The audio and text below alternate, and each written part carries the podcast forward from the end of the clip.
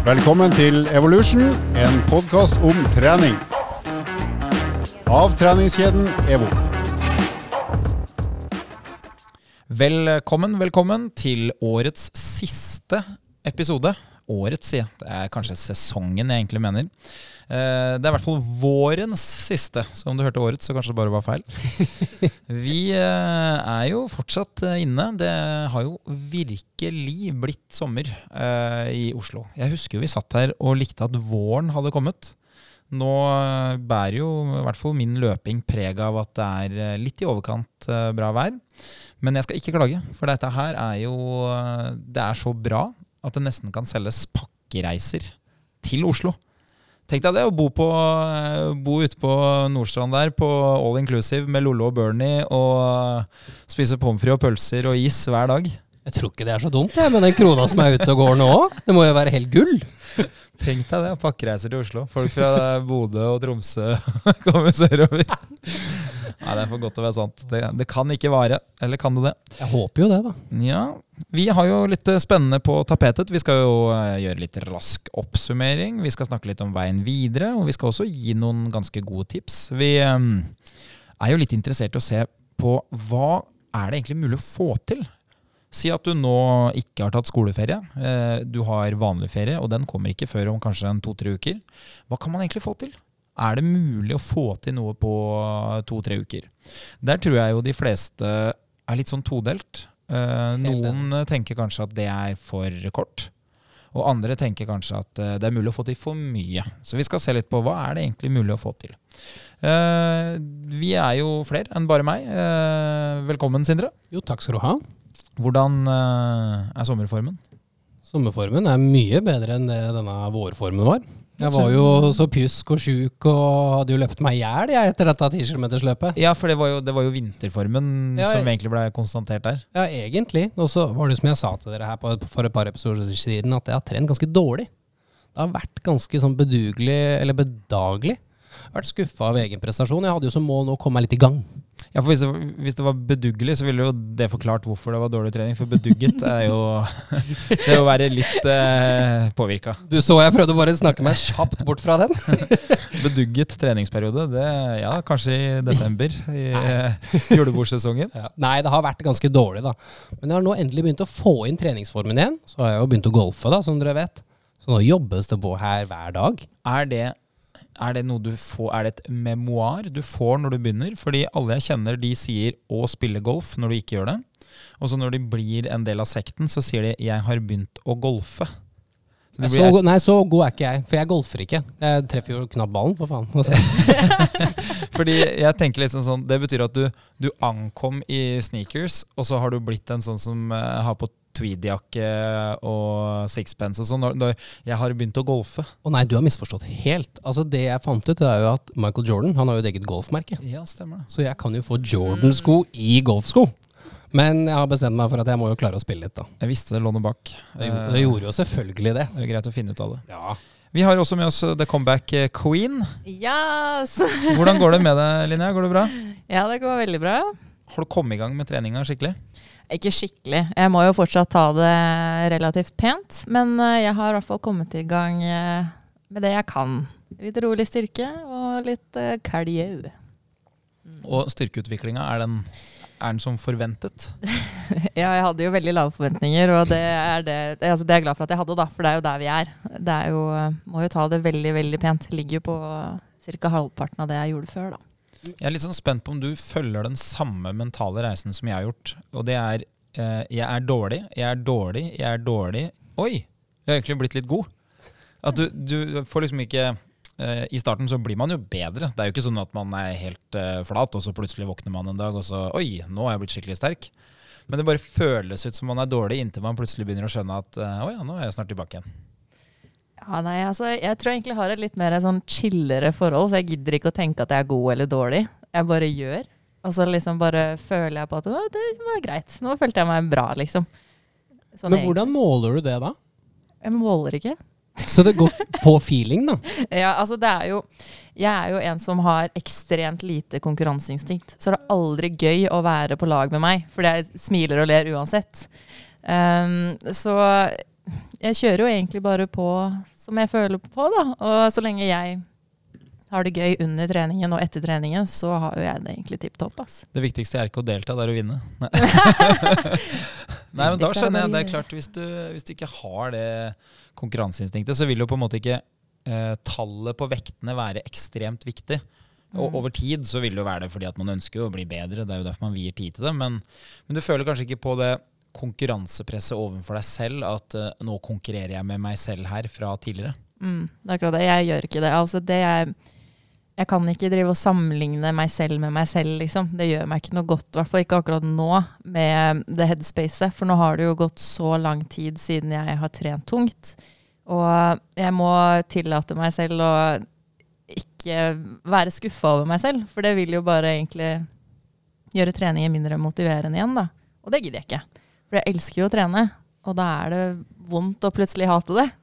Det er veldig fint å få den sida, fordi jeg er jo helt motsatt. Jeg, eh, jeg tror rett og slett jeg hadde trent ekstremt lite. Hvis jeg, hvis jeg ikke hadde målt det, og spesielt hvis jeg ikke hadde målt det opp mot mine egne prestasjoner. Eh, hos meg er jo alt i et register av gamle prestasjoner, og ok, jeg er der i dag, det vil da bety at jeg må ha denne utviklingen, og hvis det går bedre enn det, så er det bra, og hvis det går dårligere enn det, så er det ikke så bra, da må jeg gjøre tiltak. Så det er jo litt gøy å høre da, hvordan man tenker når det er helt annerledes motivasjon som ligger til bånn. Hva er motivasjonen din, eh, Sindre?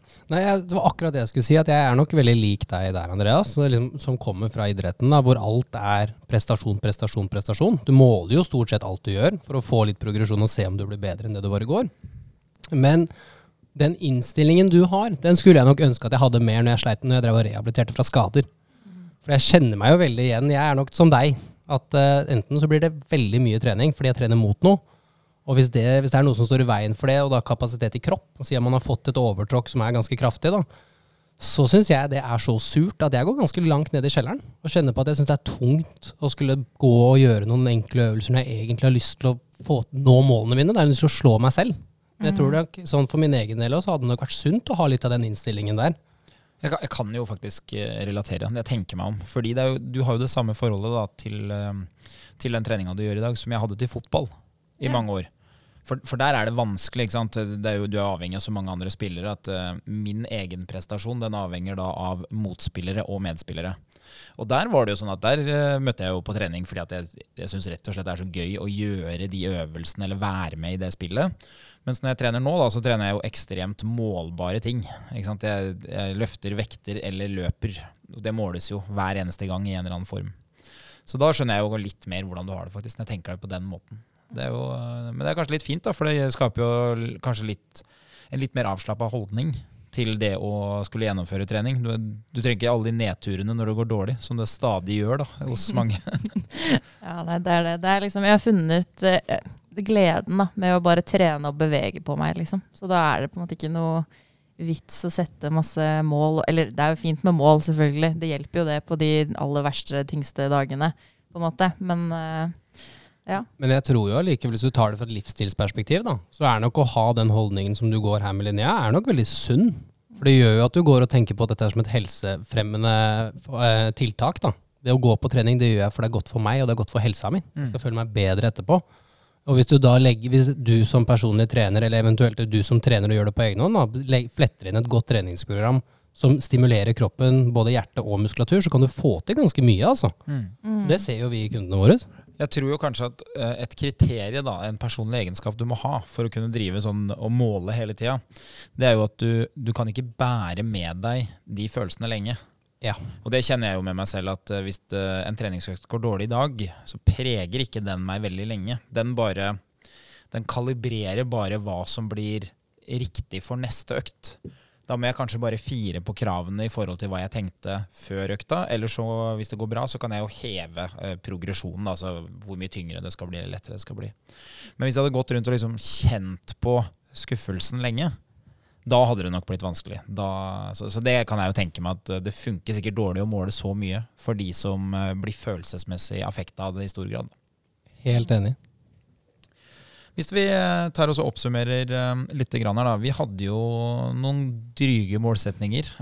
For min egen del så blei de jo litt drygere når man begynte liksom å jobbe med de. Det må jeg jo si.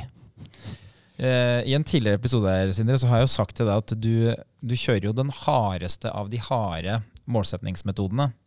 Det er jo å sette deg et mål i dag, ikke gjøre noe med det i en måned, og så blir du bare enda mer ambisiøse. Men det følte jeg litt at jeg traff på sjøl. Ja, jeg, når du kom inn da på kontoret så jeg var jeg dritstolt. Dette er jo nydelig. Så nei, vi har jo drevet og satt oss noen mål her, da. Eh, eh, Du, Linnea, har jo hatt eh, det målet som er fjernest fra hva jeg er i stand til å få til. Oss begge. Og det er faktisk det som er fjernest også i hva som frister. Så det er faktisk helt uaktuelt å begynne med. Still you and me both. Så hva er det du har hatt som målsetning denne våren, og hvordan har det gått? Jeg hadde jo et mål om å komme meg ned i eh, guttespagaten. Altså spagaten med beina ut til sidene. Eh, og det har jeg jo hatt litt sånn bob-bob-jobbing med. Planen var jo å tøye hver dag og, og så videre og så videre. Men uh, som vi alle vet og kjenner til, så skjer jo livet. Man har ikke alltid lyst eller tid i eh, sånne Hva heter det? Det er godt man ikke kan se gåsetegn her, si. Eh, så ja, det har blitt litt sånn sporadisk med tøying her og der. Men jeg har jo kommet meg ganske nærme. Jeg kjørte jo en liten test her rett før vi begynte å spille inn eh, episoden. Og da var jeg jo to-tre centimeter unna, var jeg ikke det? Come on, da. Hvis du hadde varma opp der, eller vi hadde tatt om virkelig pressa litt, Ja. så hadde du gått rett ned, tror du ikke det? Ja, det var to to små centimeter. ja. Jeg vil påstå at det er ganske sterkt. Altså. Jeg, det der eh, er jeg rett og slett imponert over. Hva er det nærmeste du har vært, Andreas? um. og, og da må jeg bare presisere med en gang. Å få strekk gjelder ikke. Hvis du har sklidd på en fotballbane eller på isen, så går ikke det som en godkjent spagat. du, det du spør om, er uh, hva, hva er det nærmeste å sykle av Trondheim-Oslo? Og så har jeg bare sykla rundt i Oslo. Altså, det er, jo, det, det er jo en helt ekstrem ting å spørre om. Uh, nei, jeg ehm, jeg erindrer jo at jeg var bedre som barn. Eh, det er sikkert de aller aller fleste. Eh, og så hadde jeg et prosjekt når jeg gikk på idrettshøyskolen. Eh, jeg skulle gjerne sagt for noen år siden, men det er jo da strengt tatt over 15 år siden. Hvor jeg da faktisk blei mye bedre. Eh, vi kan la det være med det. Okay. Det synes jeg, Men, altså, men altså 80 økning fra et dårlig utgangspunkt, det er jo bra. Ja, som jeg sier til en del kunder som jeg kjenner godt, da, at uh, bedre betyr jo ikke nødvendigvis at det er bra. det betyr bare at uh, det har blitt bedre enn det det var. Uh, men jeg var ikke i nærheten av det du får til. Det kan jeg si. Ja, for det er ganske vilt. Jeg sto ikke i fare for å lure på hva gjør man når man har fått det til. Altså, det, det, det var jeg aldri i nærheten av.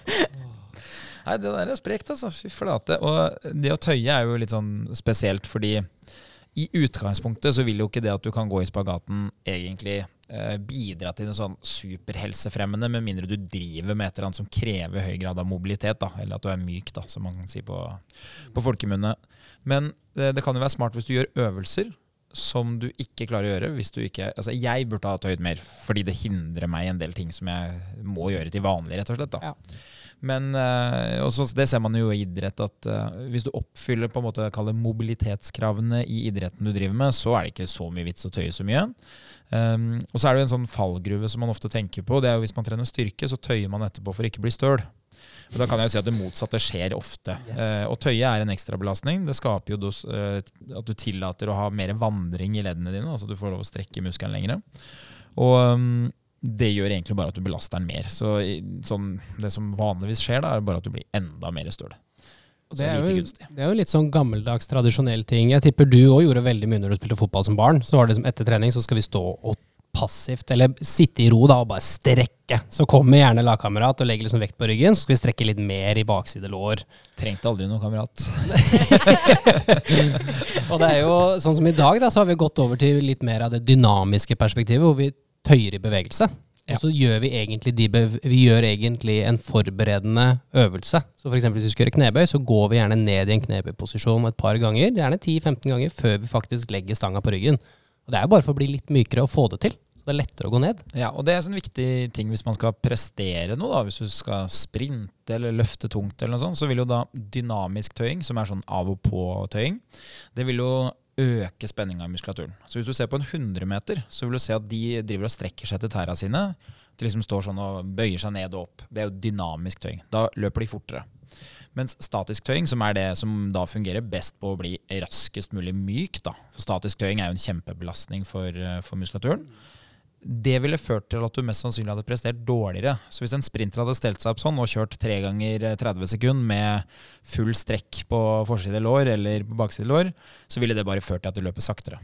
Så det er på en måte en sånn forskjell som kan være grei å huske, at uh, sånn type litt dynamisk tøying kan være bra. da. Ja. Nei, men det, det, er gøy, da. Her dekker vi jo alt mulig. Um, hva med deg, Sindre? Du har jo hatt noen ganske spreke målsettinger. Ikke helt eh, Spagaten-målsettinger. Nei, det er men, for sprekt. Det må jeg bare si. Linnea. Ja, da. Nei, altså jeg hadde jo et mål om å klare et chinups, og det ville jeg gjerne ha med litt vekt. Uh, og da var det liksom 15 kilo skulle jeg få til. Og så skulle jeg få til markløft, og der ville jeg opp på en 120 kilo. Og så var det frontbøy, da, fordi jeg har liksom hatt operasjon frontbøy siden i fjor sommer. Eh, og det er fordi jeg hater den øvelsen. Det er ikke noe bedre grunn enn det, folkens. Jeg syns det er så jævlig at jeg har bestemt meg for at hvis jeg klarer å like den, da liker jeg nesten alt på trening. Da blir jo treningsøktene litt bedre. Og da har du, når du gjør knebøy, da, så du står oppreist og eh, bøyer deg til låra dine er vannrette, så istedenfor å ha stanga bak på ryggen, som ville da vært det mest naturlige, så har du da stanga foran. Yes. Så hvis du ikke har Du har kanskje gått forbi noen som gjør noe lignende før. Så for eksempel det du kan se, det er at de ofte har albuene pekende fremover. Og det er for å da få litt stabilitet på stanga, så den faktisk sitter der den skal sitte. Så prøver de å holde seg så strakt de kan i ryggen. For hvis ikke så tipper jo stanga fremover. Det er jo litt fordelen med å ha en nakke som er i veien. Da tipper jo ikke den fremover så lenge du klarer å stå igjen. Eller stå imot. Uh, og så har jeg faktisk jobba litt med benken, selv om jeg sa at jeg ikke skulle. Jeg har jo egentlig en dårlig skulder. Oi, oi, oi. Ganske bra det òg, altså. Ja, hvordan er det det har gått med Hvis vi starter da med denne knebøyen din. Ja. Frontbøy. Operasjon frontbøy. Nei, der er vi på 95 kilo. Oi. Ja, det er jeg ganske fornøyd med. Uh, jeg prata med en på kontoret her som driver med crossfit. Uh, da var jeg ikke så fornøyd. Da var det ikke så gøy lenger. Det var jo ganske dårlig. Nei, for i perspektiv så var du jo helt average Joe. Jeg var jo ikke det engang. Nei. Så det føltes i hvert fall ikke sånn ut. Men uh, jeg tar den seieren for det det er verdt, jeg. Du må sammenligne deg med deg selv, vet du. Er ikke det de sier? Jo, de sier det. Nei, det er bare tuller. Og så var det jo markløft. Der har jeg fått meg på 130 nå. Uh, Ja, veldig bra. jeg er ganske fornøyd med det nå. Det er ikke verst. Og da kjører du brei beinstilling eller smal, eller? Jeg kjører skulderbredde cirka. Så litt, jeg står cirka i skulderbredde. Og jobber opp. Men jeg jobber jo mest i denne trap baren, den du ikke godkjenner. Ja, ja, ja, den er jo ikke Du får ikke noe VM-deltakelse med den, nei. Det Nei, det gjør jeg ikke. Men det er jo det som er så fint òg. Jeg trener jo for Jeg skal bli sterkere enn jeg var i går. Så jeg tuller jo litt, fjåser jo litt med det nå når vi prater, men jeg konkurrerte med meg sjøl. Og jeg ville bli bedre i markløft. Og jeg måler den sånn som jeg gjorde den sist, ja. Det var i en trap bar. Ja, Så det går smart. fint sånn sett. Så er det jo chin-upsen, da. Ja. 20 kilo belte! To Oi. repetisjoner! Oi, oi, oi. Ja, den er jeg fornøyd med. Ja, det må det være. Så da, da har du rett og slett et belte rundt hofta hvor du har hengt på 20 kilo ekstra fordi at det ikke er tungt nok å trekke seg opp. Helt riktig. Meget bra. Og da når du trekker deg opp, så har du da henda foran deg, ikke sant? Sånn Ja. at du eh, har håndflatene mot deg. Yes, helt riktig. Hånd, håndflatene eller håndbaken? Å, der var du god. Å nei. For- I alle da Nei, ja, håndflaten. Håndflaten, Ja, så du kjører ser sånn inn i klassisk hånda di. Ja, så litt mer chin-ups, da. Hvis vi skal gjøre det enkelt, så jobber opp og albuen egentlig litt tett inntil kroppen. Mm.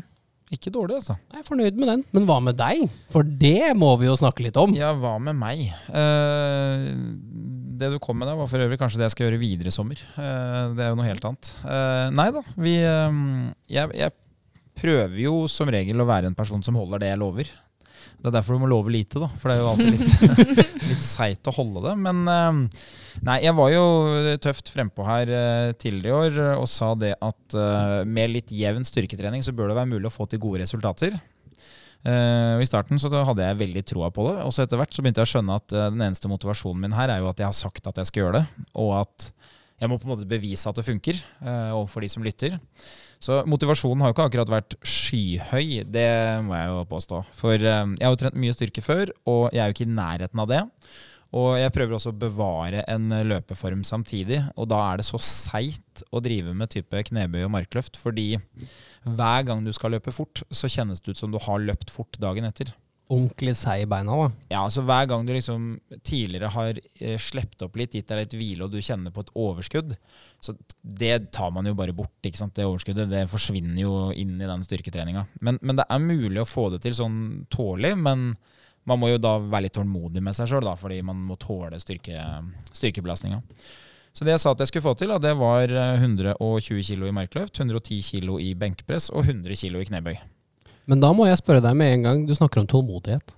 Var du veldig tålmodig på dette målet, du, eller? Eh, ja, altså, jeg setter jo alltid mål som eh, For måloppnåelse, da, eh, det er jo eh, en metode man bruker for å ofte klare å skape et bedre resultat enn om du ikke hadde hatt mål. Så vi ser det i studier at de som bruker målsetninger aktivt, enten om det er i arbeidslivet eller om det er i trening, de eh, klarer ofte å skape en bedre prestasjon enn de som ikke har det. Og så er det sånn at når du setter deg målsetninger, så, så er det sånn at hvis du skal ha et godt mål, som igjen skal skape uh, god type selvtillit uh, for å kunne skape enda bedre resultater frem i tid, så kan det være smart å sette deg mål som du har 50 sannsynlighet for å nå. Og det er jo litt ambisiøst. 50% det betyr jo at det fins en like stor sannsynlighet for at det ikke går. Ja. Og det uh, gjorde jeg jo da òg i det tilfellet her. Uh, viste det seg. Kanskje ikke når jeg sa det, da hadde jeg kanskje en sikring på en eh, 60-40. Men det blei ikke det. Men eh, det blei jo da litt eh, trangt i døra her på tampen, for jeg måtte jo da få inn eh, de øktene her. Så jeg har da Jeg hadde I slutten av forrige uke så kjørte jeg markløft, og det viste seg å være den letteste. Det trodde jeg kanskje skulle være den tyngste, for det er jo da 120 kg i markløft. Men der klarte jeg faktisk å ta tre stykker, så det gjorde jeg to ganger. Så det, den var grei. Så der har jeg klart 120 kg. Nice. Og så eh, begynte det å bli litt eh, travelt med benkpressen, fordi jeg prøvde meg litt i forrige uke på morgenen. Eh, og det var litt tidlig, og jeg hadde da trent benkpress bare halvannen dag før. Så da stoppa jeg på 105 og syntes det var veldig veldig tungt. Tenkte jeg oi, kanskje jeg må ha én økt til, sånn at jeg får litt mer volum. Og så på mandagen aleine på kvelden så kjørte jeg da tre seksere på 90, eh, som egentlig da er den økta som skal gjøre at jeg får det til. Så tenkte jeg men jeg kan jo bare teste. Jeg, jeg forringer jo ikke noe i denne økten som jeg da har fått til det jeg skal, ved å bare prøve. Så da kjørte jeg én på 100, én på 105, og så kjørte jeg ett løft på 110. Så da klarte jeg det som jeg skulle få til. Aleine uten sikring eh, anbefales ikke. Eh, største usikkerhetsmomentet på tampen der var hva gjør jeg hvis det Ja, Det var jo det første jeg spurte han om da han sendte oppdatering. Så spurte jeg hvem i all verden er det som har spotta deg på det løftet her, da? Det måtte jo ha vært dattera di, da, men eh, Ja, nei, det hadde jo vært ganske seigt, det med en toåring eh, klokka halv elleve på kvelden. Det hadde hatt et forklaringsproblem der da. Eh, nei da, det gikk det, altså. Jeg eh, Overraskende nok så gikk det. Og det. Men der kjente jeg jo på det etterpå at åh, utrolig gøy å klare å nå det. Fordi dette var jo mandag kveld, og da hadde det vært litt kort pause til å skulle gjøre det i dag. I tillegg så hadde jeg en helt annen oppgave i dag som jeg var langt mer usikker på. Det var at jeg måtte kjøre knebøy i dag. Men gjorde ikke du noe i går som skulle gjøre det ganske vondt, da? Jo da, jeg løp 18 km i går, og 13 av de ganske for fort. Så eh, jeg var liksom ikke helt uthvilt i dag tidlig. Men eh, for å være helt sikker så fikk jeg jo noen til å filme meg da, så når jeg gjorde det. Så jeg starta dagen med å gjøre det, og eh, det gikk, det, altså. Det var overraskende lett. Altså, Ja, det var ganske jeg, bra. jeg sier ikke at det var lett, men det var overraskende lett sammenlignet med hva jeg trodde. Men Linnea som PT, hvis du har avtalt med kunden din om at vi skal maksløfte onsdag klokka ti, Mm. så kommer han til deg og sier at du løp 18 km i går, jeg. Jeg er litt seig i beina. Hva hadde du tenkt da? Jeg var idiot. Ja, det hadde i hvert fall jeg tenkt. Ja, jeg hadde tenkt noe sånt, ja. Men så syns jeg jo at det er jævlig kult å være en idiot av det kaliber. For det sier jo litt om ditt treningsengasjement og hvor viktig det er for deg å nå mål også, da.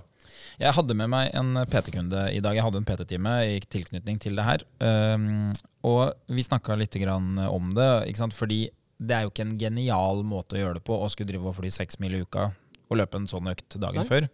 Men det var på en måte inngangskriteriet da, at jeg skulle gjøre det her i tillegg til å prøve å bevare løpeformen. Ja, For det skulle ikke gå utover det, for der har du jo dine viktigste og største mål. Ja, og så er det jo det jeg har tenkt i år, da, det er jo at jeg skal prøve å ha meg en bedre form gjennom sommeren, så jeg slipper den oppstartsgreiene jeg drev på med i fjor. eh, hvor jeg var sjuk på sommeren og løp 6-7 km på en uke og sånn. eh. Så det var liksom egentlig inngangsbilletten. Men jeg kan jo si det sånn at jeg har ikke blitt bedre til å løpe mens jeg holdt på med det her. eh, Og det skyldes eh, egentlig ikke styrketreninga i seg selv. Men det som skjer når du har trent mye styrke før, det er jo at det er ganske vanskelig å ikke skulle gå opp i vekt. Så jeg har nok blitt en to-tre kilo tyngre fordi at jeg har trent såpass mye volum på styrke, da. Så det um, Men det merker du vel veldig godt på løpinga, gjør du ikke det? I hvert fall du som er på så høyt nivå. Ja, altså På et sånt overfladisk nivå så kan man jo sikkert si at jeg, jeg ser jo sikkert litt bedre ut, for jeg ser sterkere ut. eh, men Jo, jeg løper ikke fortere. Nei, fordi på en løpe, liksom på langdistanse så ser du vel kanskje litt tregere ut? Ja, og eh, det ser det ut på klokka. Eh, Og hvis du har sett de som løper på friidrettsbanen, så ser det ikke akkurat ut som de kjører benkpress. Så det er vel I hvert fall ikke på godt over 100, si. Nei, det, det ligger noe i det. Men det var morsomt å få det til, og en av grunnene til at jeg gjorde det, var jo at jeg, jeg ønska ikke at det skulle være fire år siden sist. At liksom det begynte å bli så lenge siden at man er usikker på om man får det til. Og så skaper du litt motivasjon. da, så Det skaper motivasjon til å prøve å opprettholde noe av det. og Så får vi se hvor lenge det varer. Men hvis jeg kommer meg til vinteren, så er det mye lettere å trene styrke. Så hvis man kommer inn på vinteren med bedre styrkegrunnlag, så er det kanskje litt lettere å fortsette å holde. Så vi får se, vi får se hva det blir um, ut av det. Men, sånn, Unnskyld, og ikke meningen. Jeg Nei, bare, sånn oppsummert her, så vil det jo si at du har jo egentlig fått til ganske mye på en tre-fire uker, da.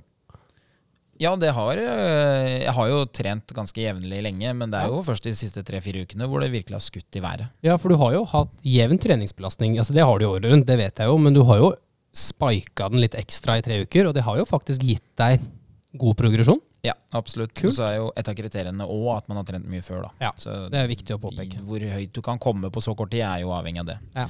Men vi har jo hatt ganske eh, god måloppnåelse her, vil jeg jo påstå. Vi har jo fått til det som vi eh, hadde et eh, håp om å få til. Og det som gjør at vi kan sette gode målsetninger, da, som det viser seg at vi har gjort, det er jo da at man har erfaring med å sette mål, og at man har kunnskap. Så vi vet på en måte hva som er forventa, vi vet hva som vil være optimalt, vi vet hva som vil være for vanskelig. Så det, man ser jo her at eh, erfaring og kunnskap det gir jo muligheten til å utrette bra resultater da, på, på kort og lang sikt. Jeg tror det er det som er viktig for alle dere som er der ute og trener. Det er jo altså Muligheten til å få det eierskapet over din egen trening, da, det er gjennom kunnskap. Og det å forstå litt hva du driver med, og hvilke prosesser som skjer i kroppen. Eh, For jeg møter altfor mange kunder som blir så skuffa over at de ikke fikk til det de gjorde. Og så sier jeg, men basert på det vi gjør, så har du egentlig gjort en kjempeinnsats og fått en ganske god progresjon. Men du ser og sammenligner deg med de som trener syv dager i uka. Men de gjør sjelden veldig mye annet, annet i hverdagen. Du har kanskje to unger, du har en mann eller en kone. Altså man, det er så mye man skal gjøre i hverdagen, da. Og så skal du bli verdensmester i din egen hverdag samtidig. Det er viktig å akseptere at det tar tid. Det er litt vanskelig. Og som du hører her fra både meg og Andreas, så er det ikke alltid like gøy. Men det å pushe seg litt mer enn man er komfortabel med, det er nok en god mulighet til å få litt vekst, altså. Og progresjon. Jeg er eh, enig. Hvis vi forfølger denne måloppnåelsen, da. Hva er neste på agendaen, eh, Linnea? Har du tenkt på det? Hva, hva er liksom eh, Si i sommer eller på høsten. Hva, har du noen konkrete målsetninger som du har tenkt på? Jeg har vel egentlig ikke tenkt Eller jeg har tenkt litt, da. Det har jeg. Men uh, det er jo litt sånn Jeg veit jo ikke hvor mye jeg får trent framover, i og med at øyet mitt fortsatt ikke er helt 100% Så er det jo ny kontroll igjen 24. juli, så blir det veldig spennende å høre der. Så det er litt sånn avhengig av det, da. Så, men det jeg egentlig har tenkt litt på, er å kanskje roe litt mer ned. Så jobbe litt mer med det mentale, da. Så med å em, holde ut lenger på sånne derre tredemøllegreier, da, hvor jeg går over lang tid osv. Bare for å Eller gå på turer, sånne lange, lange turer som jeg aldri har gjort så mye av, da, egentlig. Og i tillegg til det å prøve å meditere. Og liksom fokusere på pust og sånne ting, da. Det er vanskelig. Ja, det er kjempevanskelig. Å sitte i ro i ti minutter og tenke på pusten. Faen, det er vanskelig. Ja, det er helt sjukt vanskelig. Men heldigvis så har jeg en far som er ekspert på det å puste. Han eh, driver jo med tai chi, som er jo en sånn derre eh, Ja, sånn derre Hva heter det for noe? Kampsport? Eller er det kanskje Jeg tør det er ikke å utdype meg, for jeg tror jeg kommer til å si noe feil med en gang. ja, Chai latte? Chila. Ok, men da har du gått. Du gikk veien min, ja. ja. Men det er i hvert fall en sånn pustetrening. Um, og det driver han jo med hver dag. Så nå har jo han begynt å ta med meg på, på det, da. Det er sånn puste inn, puste ut. Gøy, da. Det er jo spennende å lære om sånne ting. da. Ja, det er kjempegøy. Mm. Hva med deg, eh, Sindre? Hvor, skal dette eventyret med styrkeøvelser Hva er veien videre? Nei, altså, jeg legger jo fra meg øh, vektene. Og så er det to ting jeg skal bli bedre på i sommer. Og det ene, det er for øye-hånd-koordinasjon, øh, og ikke minst for sinnet mitt. Eh, som konkurransemenneske så hender det at jeg blir jævla sur på egen prestasjon. Spesielt når jeg driver og skyter basketball og skal prøve å få så mange oppi kurven jeg kan, og begynner å telle hvor mange jeg bommer. Da kan det fort bli fotball. Så jeg har begynt med golf. Eh, Ja, fordi det er jo mer beroligende for en som eh, Men ikke sant, nettopp. Det er ikke mer beroligende. Det er egentlig jævlig mye mer frustrerende. Men det får meg til å måtte jobbe. For de aller fleste som er der ute, de er jo, de er jo rolig. Altså, ikke, jeg tror ikke de, Ellers har de bare lært seg å takle det bedre enn det jeg har. Men i en ballidrett så har du, som du sier, da, du har noen elementer som gjør at du kan skylde på andre. Du kan bli forbanna på motspiller. Du kan bli forbanna på medspiller. Du kan til og med bli forbanna på banen. Altså Det er ganske mye man kan skylde på. Når du spiller golf, så kan du bare bli forbanna på én person, og det er deg sjøl. Så du blir jo veldig god til å takle motgang, og det å ta med seg medgang, men ikke bli for overivrig på det ene bra skuddet. Så det er jo en sånn mental utfordring for meg selv som er ganske kul. Eh, og så skal jeg bli litt bedre i basket samtidig, da. Det er jo gjennom å få ned dette jævla sinnet. Ja, nei, kanskje, det, kanskje det funker. Jeg, jeg sliter jo med én ting når det gjelder golf, da. det må jeg jo bare si. Og det er at eh, jeg liker idretter hvor du kan levere en overvurdert prestasjon. Å, fy faen, det er så vanskelig. Mens i golf så er det jo sånn at eh, der kan eh, man gå banen på ett slag per hull. Og så handler det om å bare ikke gjøre det skikkelig dårlig. Jeg, jeg sliter litt mentalt med det at man skal måle hvor dårlig du er, ikke hvor god du er. Ja, for det er jo målet mitt nå. Man starter jo på det man kaller 54 i handikap. Og det betyr at du har 54 ekstra slag da, på de rundene du spiller. Jeg skal ned på 40 til sommeren. Ja, ja men Det er jo ganske konkret, da. Ja, det er jo et sånn veldig enkelt mål. Ganske usannsynlig òg, men Ja, absolutt. Det, vi får nå se her, da, om, det er nok, om jeg har kjøpt tre nye golfsett og knekt alt som er på veien i sommer, eller om jeg faktisk har blitt bedre. kan bli kostbart i utgifter for eh, golfballer òg. Det har det allerede blitt. Ja, ja, ja. Nei, men det blir artig å se da, hvor det fører hen. Eh, Jeg har jo noen eh, målsetninger på høsten, og de kommer til å stjele også sommeren, tror jeg.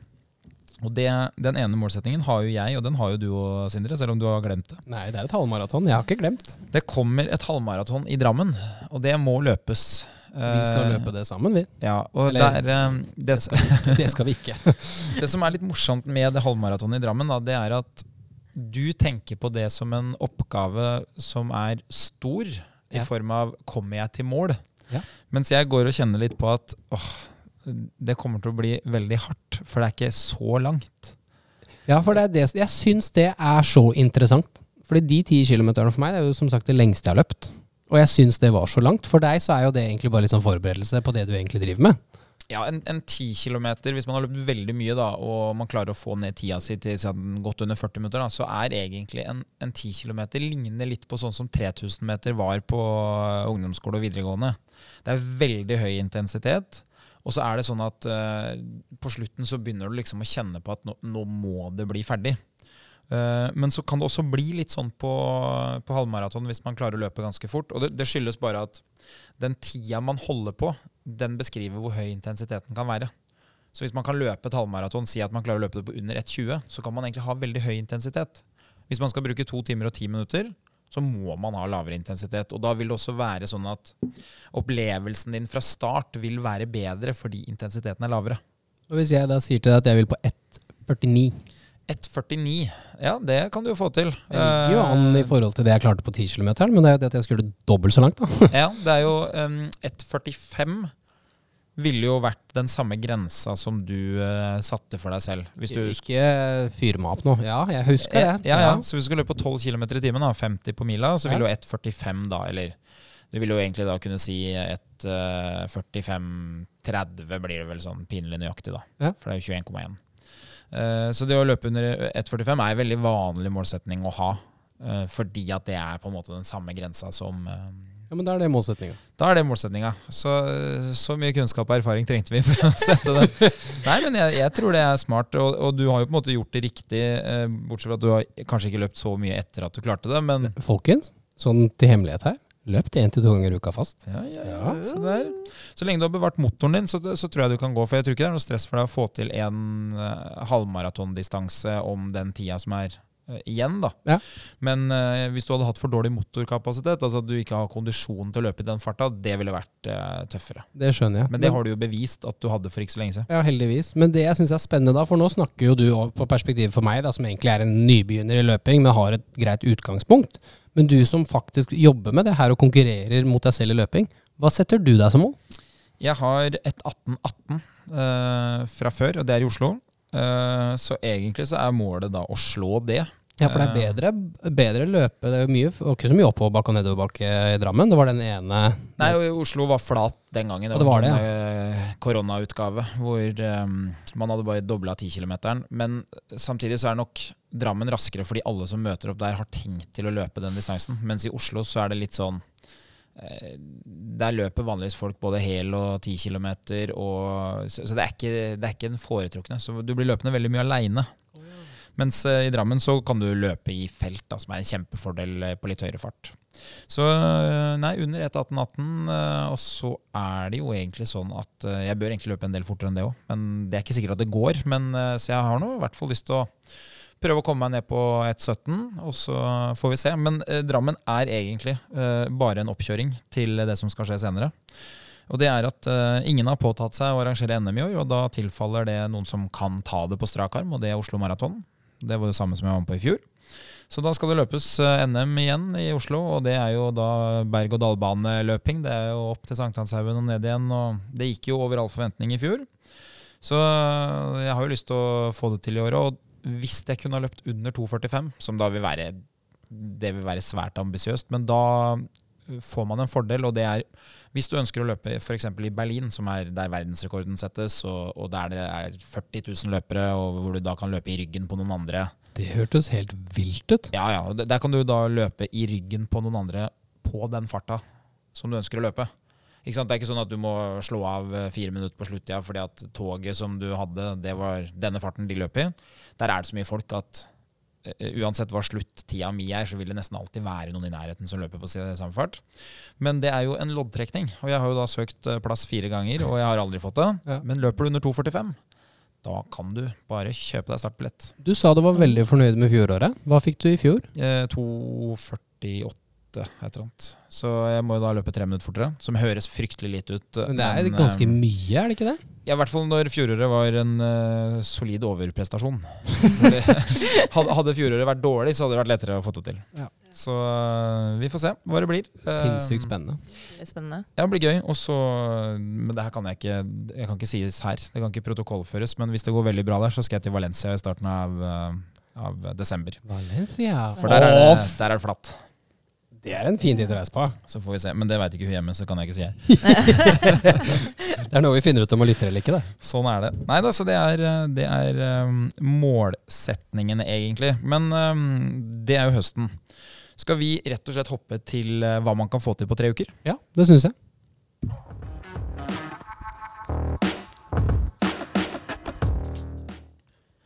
Så Linnea, hvor mange av dine kunder anbefaler du å kjøre på i tre uker? Eh, ingen. hvorfor, hvorfor, er det så intuitivt at det er en dårlig idé?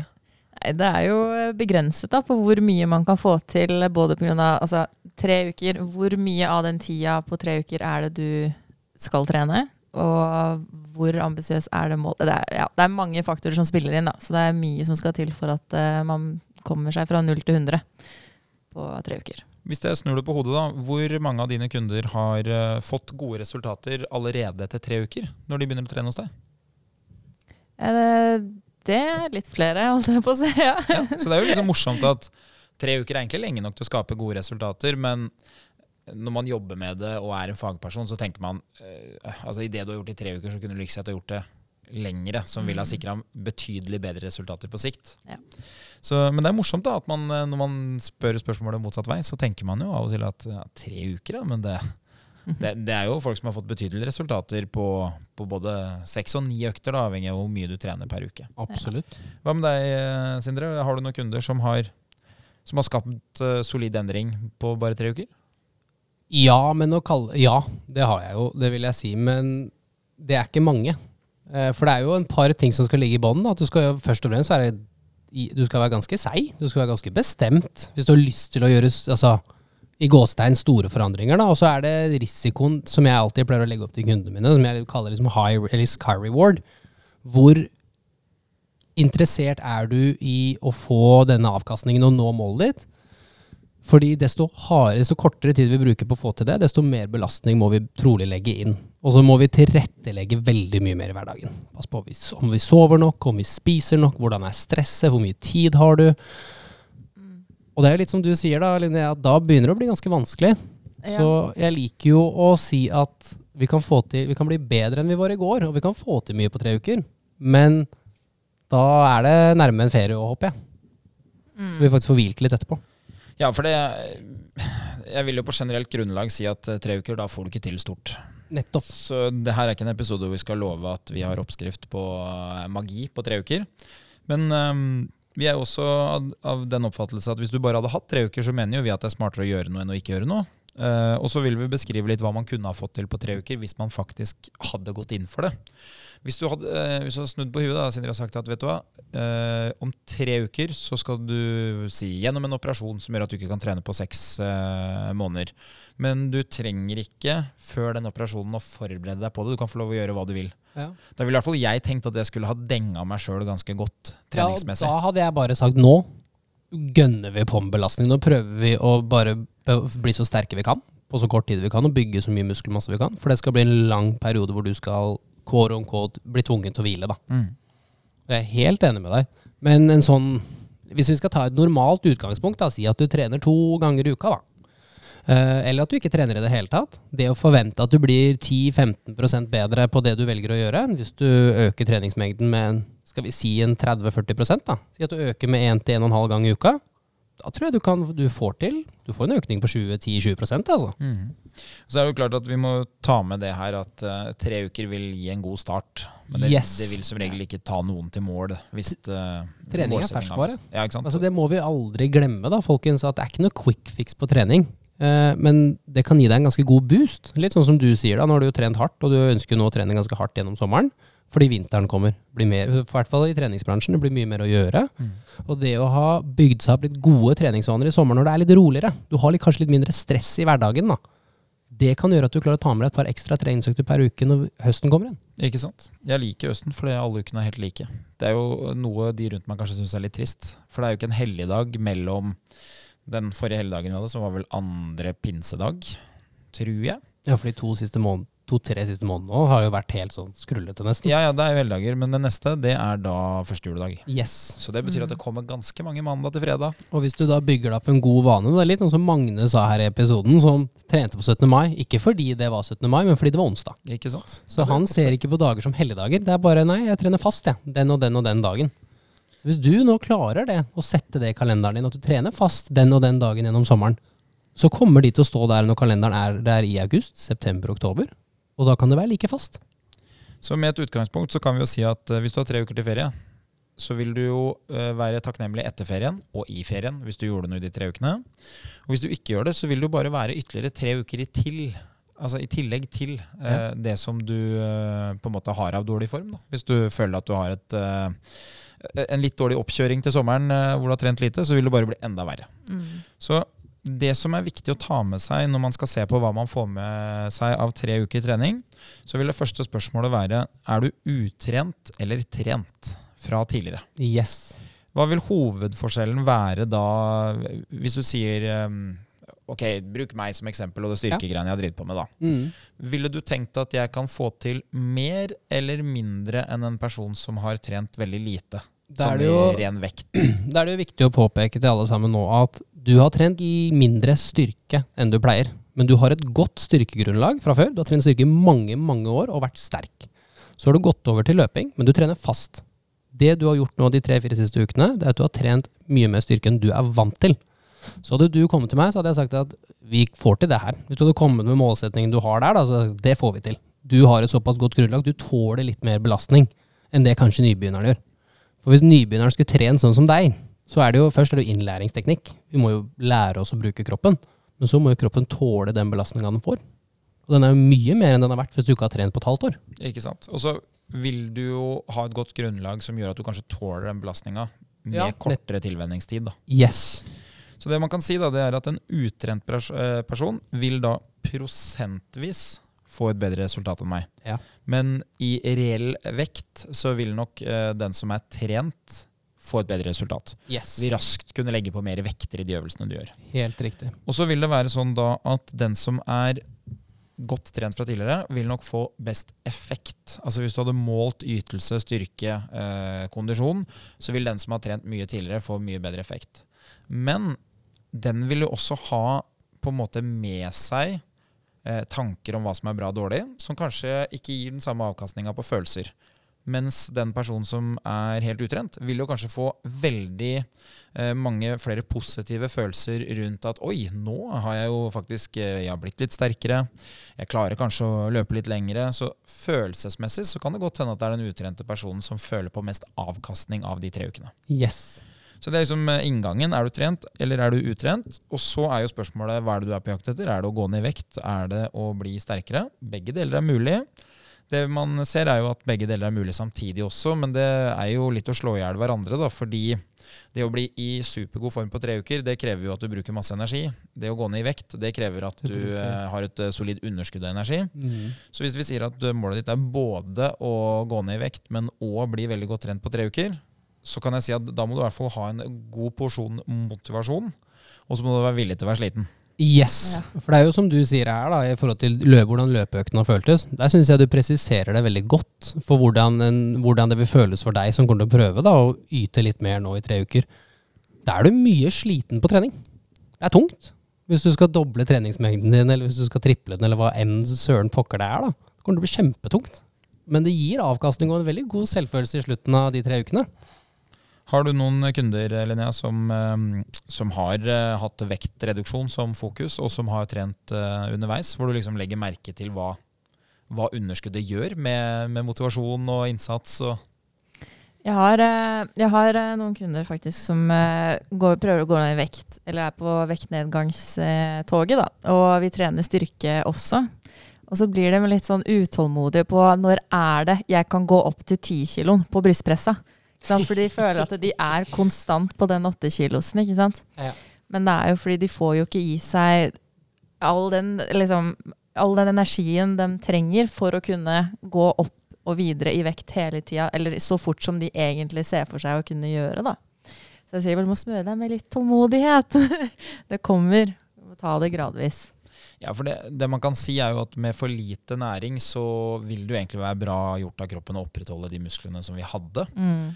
Men så er det jo sånn at hvis du har trent veldig lite, så vil jo utvikling av styrke og muskulatur komme uansett. Så en utrent person vil ha et bedre utgangspunkt for å kunne gå ned i vekt og opp i muskelmasse enn en person som har trent mye styrke fra før av. Ja. Så hvis du har en person som har trent styrke sammenhengende veldig lenge, og som så plutselig skal begynne å spise lite, så vil du se at de sliter med å opprettholde muskulaturen.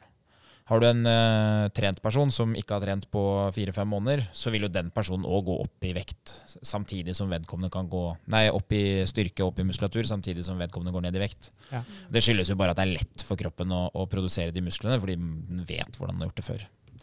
Uh, når de da gjør uh, den type trening og sånn, merker du på motivasjonen at den kan være litt sånn Si kanskje litt sånn sviktende når man over en periode har litt lite mat? Ja, altså man, Når man går på lite mat, så er man jo generelt litt uh, mer Ikke trist enn nedstemte, men man er litt sånn er litt low da, enn eh, det man vanligvis pleier å være. Og det er kanskje litt overraskende for eh, folk som ikke har gjort dette før, da. Ja.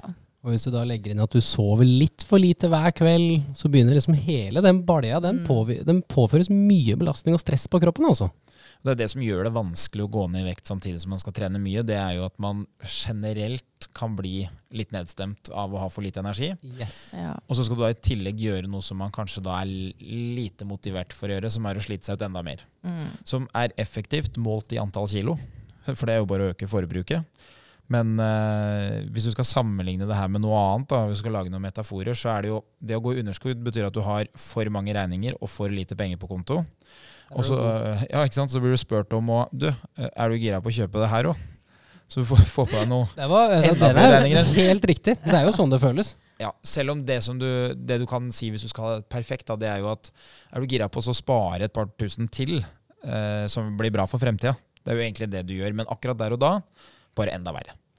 Det er jo noe jeg når, Hvis jeg har kunder som virkelig ønsker å få til det her på kort tid, så jobber jeg veldig med å sette det målet og forankre det målet til en følelse. Det er viktig da at vi alltid, når vi får den dippen, klarer å se inn i fremtiden og, vis og visualisere hvordan det føles å nå målet.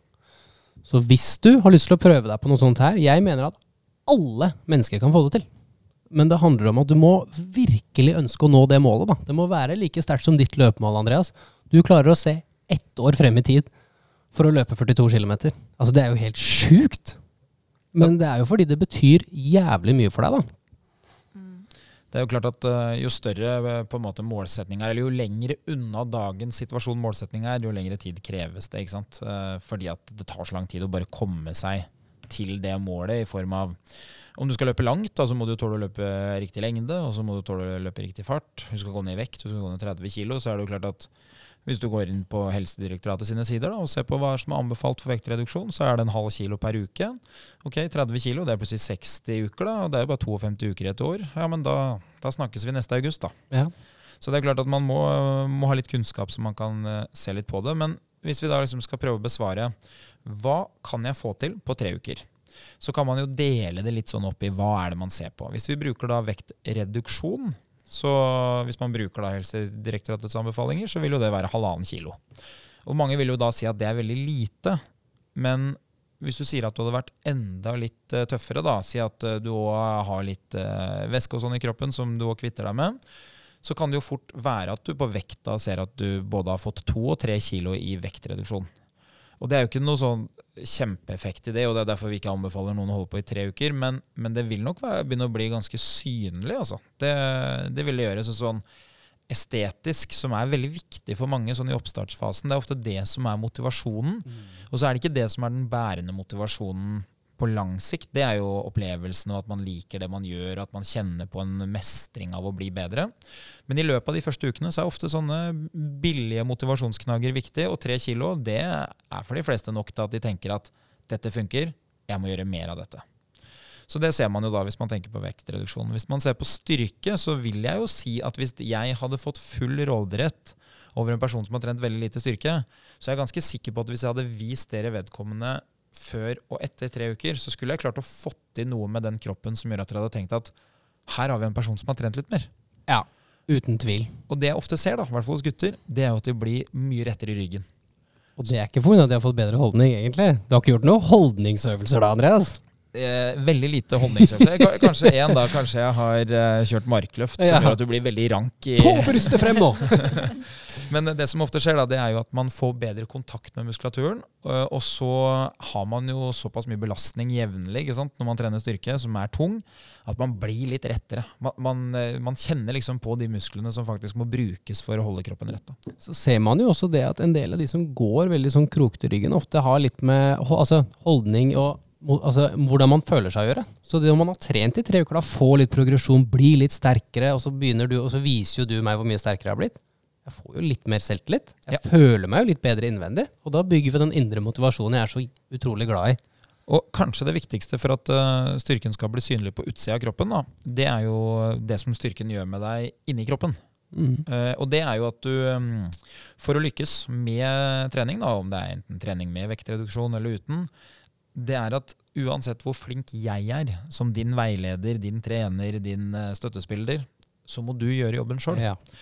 Og eh, tre uker, da, 21 dager, det er mer enn nok til at du begynner å kjenne på mestring, og du kjenner på selvtillit av at jeg får det til. Fordi det er lenge nok til at du har glemt hva du tenkte når du starta, og det er lenge nok til at du begynner å tenke at ok, en dag til kan jeg få til. Ok, en dag til kan jeg få til. Og så er det også lenge nok til at du møter på utfordringer som gir deg den mestringa, egentlig. Og det er jo at eh, ok, dag tolv, da plutselig da, da, var det dårlig avgjørelsesdag. ikke sant? Her kom det jo muligheter for å gjøre alt som jeg ikke skulle gjøre. Enten om det er kostholdsmessig eller Jeg skulle egentlig trene styrke i kveld, og så dukka det opp en mulighet til å være med noen og grille eller dra og bade eller et eller annet sånt. Eh, og det frister veldig. Ok, hva gjør jeg nå? Og da kan du få en sånn 'jeg blei med på det', og så dro jeg og trente klokka ti på kvelden. Som, som, tidligere var uhørt, men akkurat nå, i denne treukersfasen, så gjør jeg det. Og så plutselig begynner de tingene å bli liksom Det er det nye jeg, da. At jeg gjennomfører. Jeg syns det er så tøft når jeg møter sånne mennesker. Og jeg ser de veldig mye på trening nå mot sommeren. Så er det liksom en gruppe med medlemmer på alle sentrene jeg er på, som jeg ser på morgenen. Og det er den samme gjengen som er der dag inn dag ut. Og så skjønner jeg, jeg prata litt med noen av de gjengene, og så sier de jo at nei, vi har et mål. Vi, liksom, vi har så og så mange uker igjen, vi må trene. Så vi har bestemt oss at vi har frokostklubb. da. Vi møtes på mandager, onsdager og fredager. Og da var det, jeg tror det var armer jeg på fredager, for det skulle liksom være den digge dagen. Så var det litt bein på mandagen, for det var en drittdag uansett. Så var det overkropp da generelt på onsdagen. Men det har jo gjort at de trener mye mer, sier de. Og han ene kollegaen har jo gått ned masse vekt. Så det er liksom Skap dette målet med noen. Ta med deg noen på denne treukerschallengen. Knytt kontakt med en PT, få han til å sette opp et program, eller knytt kontakt med noen av de du trener med. Skal vi få til det her sammen. For det er ganske moro. Kult. Jeg ser jo også at de som får det til sånn før ferien, de pleier ofte å begynne å trene i ferien. Ja. For det blir veldig, veldig tøft å sette sånn hard stop på at sånn, da var jeg ferdig. Nei, nå gidder jeg ikke mer. Alle de økene etter klokka ti, det er ferdig nå har jeg kasta bort tre uker, så nå skal jeg ikke kaste bort mer. Har du merka noe til den selvtillitsendringa hos de som du trener, etter at de har trent noen uker? Ja, absolutt. Det har vært så fint å se. I hvert fall eh, nå eh, på våren, da.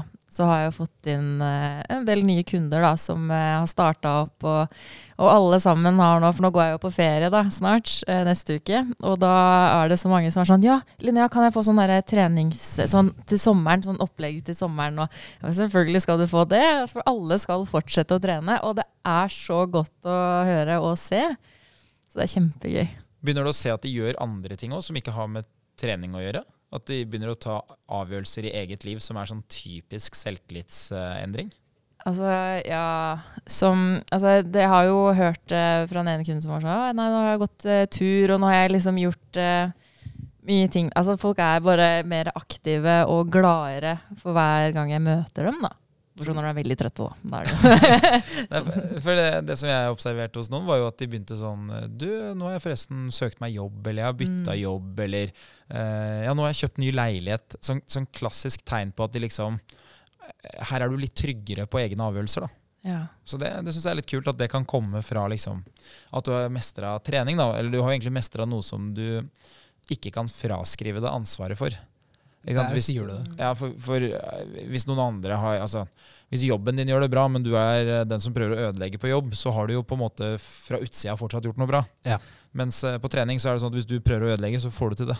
Det er din egen borg, på en måte. da. Og den kan se veldig flott og enestående ut, og den kan se ganske nedslitt ut òg. Det er jo hva du gjør med kroppen din. Og jeg har hatt en kunde nå som har gått ned en del i vekt. Jeg tør å hoppe på trampoline. Aldri tenkt på det liksom, det var den store frykten. Nå tør jeg å bli med liksom nevøen min på trampoline. Så kult. Det er for øvrig en ting jeg har på lista mi. Eh, Jeg skulle egentlig spørre dere om det, men jeg har det på lista i sommer. Og det er at jeg hadde jo trampoline før. Eh, og det er jo livsfarlig. Du må jo ikke kjøpe trampoline til unge gutter. Det er jo Det har vært min barndom. Ja, da må du ha bur, men med lokk oppå taket. Ha, for har skada meg mye, ja. Det er helt Ah, riktig. flate. Men jeg eh, tok jo både forlengs og baklengs salto før.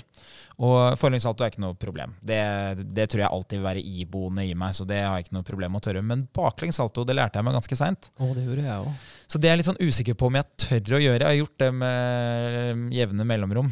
Jevne da, som i hvert femte år eller noe sånt. Og nå begynner det å bli lenge siden sist jeg tok baklengs salto. Så jeg må egentlig jeg må gjøre det. Og jeg gruer meg bare ved å tenke på det. Men det er da du skjønner du har blitt eldre, vet du. For når man var ung og øvde på baklengs salto, jeg husker jeg landa på nakken jeg, om og om igjen og tenkte en gang til. Jeg kan ikke tro at jeg drev og tok baklengs salto ut av trampolina som et triks. Gjorde du det? Ja, ja, jeg, Det er ikke til å kjenne igjen, vet du. Det, Jeg husker jeg skulle hoppe så høyt jeg klarte å komme meg ut av trampolina. Hvor langt klarer man å hoppe ut fra nei, det, trampolina? det var ikke snakk. Jeg, det hadde, jeg hadde aldri kjøpt trampoline til meg sjøl. Nei, ikke jeg heller. Nei, så det har jeg på, på agendaen. Har du noe i sommer som du tenkte du skulle teste? Som du har utsatt? Uh, hva er det jeg har tenkt på? altså, det har ikke så mye med trening å gjøre, men jeg har tenkt eh, på en sånn tur aleine i skogen. Ja. ja. Ja, ja, nei, Det altså, er ganske tøft, da. ja. Prøve meg på en liten hengekøyetur sjøl, liksom. Oi. For det har jeg aldri gjort før. Aldri sovet over ute i, altså, aleine. Linnea Grills. Ja, helt riktig. Ja, nå skal jeg begynne å spise maur og masse Alt jeg finner naturen. Fiske med pekefingeren. Helt riktig. Vi får ikke deg inn her på neste podkast, så vi må bare ha en sånn der livesending i skauen. Ja. Gå litt ut av signal, litt inn. Nå er jeg på en fjelltopp. Hva, hva er det som er ubehagelig med å være aleine? Hvis du, du lukker øya og tenker på det, hva, hva er det som er dritt med det, liksom? Altså, det er Jeg er egentlig generelt veldig dårlig på å være aleine. Mm. Jeg er eh, avhengig av å ha folk rundt meg. Altså, jeg sover så godt når det er bråk i heimen. Så liksom, hvis TV-en er på, hvis noen tusler rundt, liksom, da, da føler jeg meg sånn Ok, nå er jeg trygg. For hvis det er helt stille, og jeg er der helt aleine, så begynner jeg å se for meg ting. Da, da står The Grudge i hjørnet på rommet og stirrer og kommer sånn øh, creepende bortover. Det høres kanskje ikke ut som at uh, en natt aleine ute er akkurat det du trenger, men kanskje det er det du gjør, faktisk. Ja, men det er akkurat det jeg tror, da. For jeg må utfordre meg selv på sånne ting.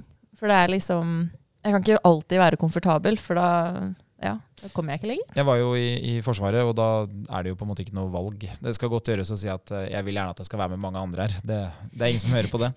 Eh, og jeg kan jo si det sånn at uh, det var mørkt På natta. Det, det vil jeg. Eh, fordi det du opplever i Forsvaret, er jo at det stilles jo streng krav til at du har materiellkontroll. ikke sant? Geværet, sko. Du er, du er temmelig hjelpeløs i strid hvis du ikke har orden på utstyret. Og det å skulle drive og finne fram det sånn på, midt på svarte natta, nei, det krever kontroll. Så det, jeg kan si det sånn at det var mørkt. Og det var, det var også bekmørkt for en del av de som var med, som ikke hadde kontroll. Så eh, jeg har observert folk som har hatt uh, litt svette marsjstøvler liggende utafor teltet i 20 minus. Eh, og hvis noen da har satt sekken sin oppå de og sånn, så fryser de ikke rett. Da fryser de jo Får jo ikke de på etterpå da, Nei, da må du gå med ullsokker i fotposer. Det Altså, Jeg har sett det òg, hører jeg. ja, ja, du må ikke stå igjen, for all del. Altså Når fienden kommer, så må du, må du det må, For det, det, alternativet er ikke noe bedre. Så, sånn er det. Har du noe, Sindre? Bortsett fra skoposer og fotposer? Som sagt, jeg skal bare komme meg i bedre form jeg, og spille golf og mye basket og trene. Så må jeg løpe en god, en god del imellom, da. Ja, jeg ville jo anbefalt deg å prøve å løpe en 14.070 meter. Det er jo da to tredjedeler. Ja. For da kan du bare eh, dele tida på to, og så kan du eh, legge til eh, den ene halvdelen til den tida du har løpt på, og da vet du sånn cirka hvor eh, fort du kommer til å løpe. Kanskje jeg bare skal bli med deg ned på en av disse løpebanene. Jeg ser deg ute der på Strava hele tida. Ja, ja, løpebane er fin. Den er jo gørr kjedelig for mange, da, men den er jo fin eh, hvis du sammenligner den med en mølle. Den er Ja, for det er sånn jeg tenker. Ja, så hvis du tenker at ok, litt fint vær her, eh, litt eh, annen type luft, eh, kanskje ikke så innestengt eh, klam luft som det er på mølle, og så eh, er det bare det at det ikke er på mølla, det gjør liksom at du får en opplevelse av at det skjer noe, så er det ikke så gærent. Altså, du må jo løpe en, ja, hva blir det for noe, 37 runder eller noe sånt, altså det blir ikke, ja, 36 runder holder vel. Men, Ja, ja. Det går. Ja. Det er jo bare 36. Det kunne jo vært 40. Ja, ja, ja. Nei, jeg tror du kommer deg unna med det. Kanskje 35 òg. Det verste er at når du kommer så langt, det blir bare klikk, klikk. ja, det, det er mange en person som har prøvd seg på sånt og så tenkt jeg bare løper hele distansen og ser hvordan det går. Og, og det funker i den opptreningsfasen hvor man ikke er sånn 100% på hvor fort man løper. Mens i det sekundet du liksom Skal begynne på konkurransefart, liksom. Ja, du har gamle tider, og du, Mm. da, da kommer du jo ikke til mål. Så da, den følelsen den har meldt seg da litt før du faktisk kom dit du skulle. Ja, men det, vet du hva, jeg skal bli med et par ganger. Du må si ifra. Gjør det. Jeg, eh, jeg stiller jeg, som hare. Jeg har mange økter hvor jeg kunne tenkt meg å løpe til den farta og bare hatt eh, mål og mening. Så det Vi har en avtale. Jeg er med. Med eller uten mygg. Helst uten. Ja, jeg skulle- akkurat til å si vi gjør ikke det i Lillestrøm. Nei. Det har vi konkludert med Det- før episoden her. Nei, vi kan jo oppsøke et sted du ikke har vært. Vi kan jo Ja. dra på uh, Lambertseter stadion, eller Sportsplassen på Ekeberg, eller Sognsvann. Eh, det fins mange muligheter her. Sognsvann er ganske stilig, da. Ja ja, det, det er toppidrett, det. Jeg føler alltid at når du går opp der, det er litt som å gå opp på sånn Mount Olympus i den gamle Disney-filmen til Hercules. Det er bare sånn Ved andakt. Bare legender. Eh, Før vi ruller eh, ut i ferie her og runder av eh, vårens siste sending Vi skal jo tilbake igjen i august. Ja. Og vi har jo noen morsomme planer, så vi håper jo folk er med over sommeren. men vi tenkte å sende folk hjem med noen gode tips. Yes. Har du noen artikler fra Evolution, vårt nyhetsmagasin eller treningsmagasin? Det har jeg. Der har vi funnet fram tre artikler. Den ene er jo faktisk en artikkelserie. Og det er da løpeøkter. Uh, og den jeg har tatt fram til dere, den heter Løp to økter. Men det er også to løpeøkter til der, med tre økter og fire økter. Så hvis du f.eks. nå har disse tre ukene foran deg, og bestemmer deg for at ja, det er litt kult å løpe en del, kjør de to, prøv da å ta de to øktene der. Uka etter prøver du tre, og uka etter så prøver du fire. Det er jo en ganske kul utfordring, og så vil du da se også progresjonen i at du orker å gjøre mer. Jeg ville heller gjort det enn å gått andre veien. 4-3-2. Det kunne blitt seigt. Og så har vi treningsøkt for hektiske dager. Også en en veldig bra artikkel som jeg anbefaler dere å lese og teste ut. Det er jo da Hvis du er mye ute og reiser, så er det fin, et fint treningsprogram du kan bruke da, Og det er jo ikke noe unormalt at man er ute og reiser nå på ferien, er f.eks. der det ikke er så mye utstyr. Passer den veldig bra. Så har vi jo en fra en som sitter i studio her, som har skrevet fire effektive øvelser. Det er jo da fire øvelser som er veldig bra for kroppen. Og det jeg ville gjort med, den, med det programmet der, er kjør det tre ganger i uka i tre uker. Og så ser vi hvor mye progresjon det er. Og da vil jeg at du, første gang du gjør det, hva er det du klarer på antall de repetisjonene? Og så skriver du ned det. Så skriver du ned det hver gang du gjør det. Da tror jeg det skal bli en ganske god progresjon, Andreas. Det er jo et fint program med ganske fine øvelser. Ja, det er i hvert fall eh, enkelt, og det betyr jo ikke at det ikke er effektivt. Så Enkle er ofte det beste. Ja. jeg har uh, troa på det. Er det noen som har noe mer å meddele før vi eh, rett og slett tar sommerferie? Jeg vil ha en is, jeg. Du har en is. Vil du gå og ta en is, eller jeg vil ha to? Jeg har ei hjemme jeg, som spiser i snitt eh, to is om dagen. Og hver gang jeg sier 'vil du ha', og da skal jeg gjerne liksom, spørre om du skal ha yoghurt, eller noe sånt, så svarer jeg bare sånn på refleks 'is'. Is. Uh, så is skal du få. Jeg vil ha to is. To is. Uh, det er fra Uno. Ja. Norsk film. Ja. Eh, en meget bra serie. Særemnet mitt for eh, sikkert 25 år siden var jo da Uno, Johnny Wang og Buddy. Alle med Aksel Hennie. Så vet dere det. Uh, inntil videre, ha en eh, fantastisk sommer. Vær aktiv. Eh, jeg garanterer at den følelsen kommer til å være god. Og så ses vi igjen i august, når en ny høst uh, står på trappene. Vi hørs! Vil du vite mer om trening? Abonner på podkasten og sjekk ut vårt treningsmagasin på evo.no.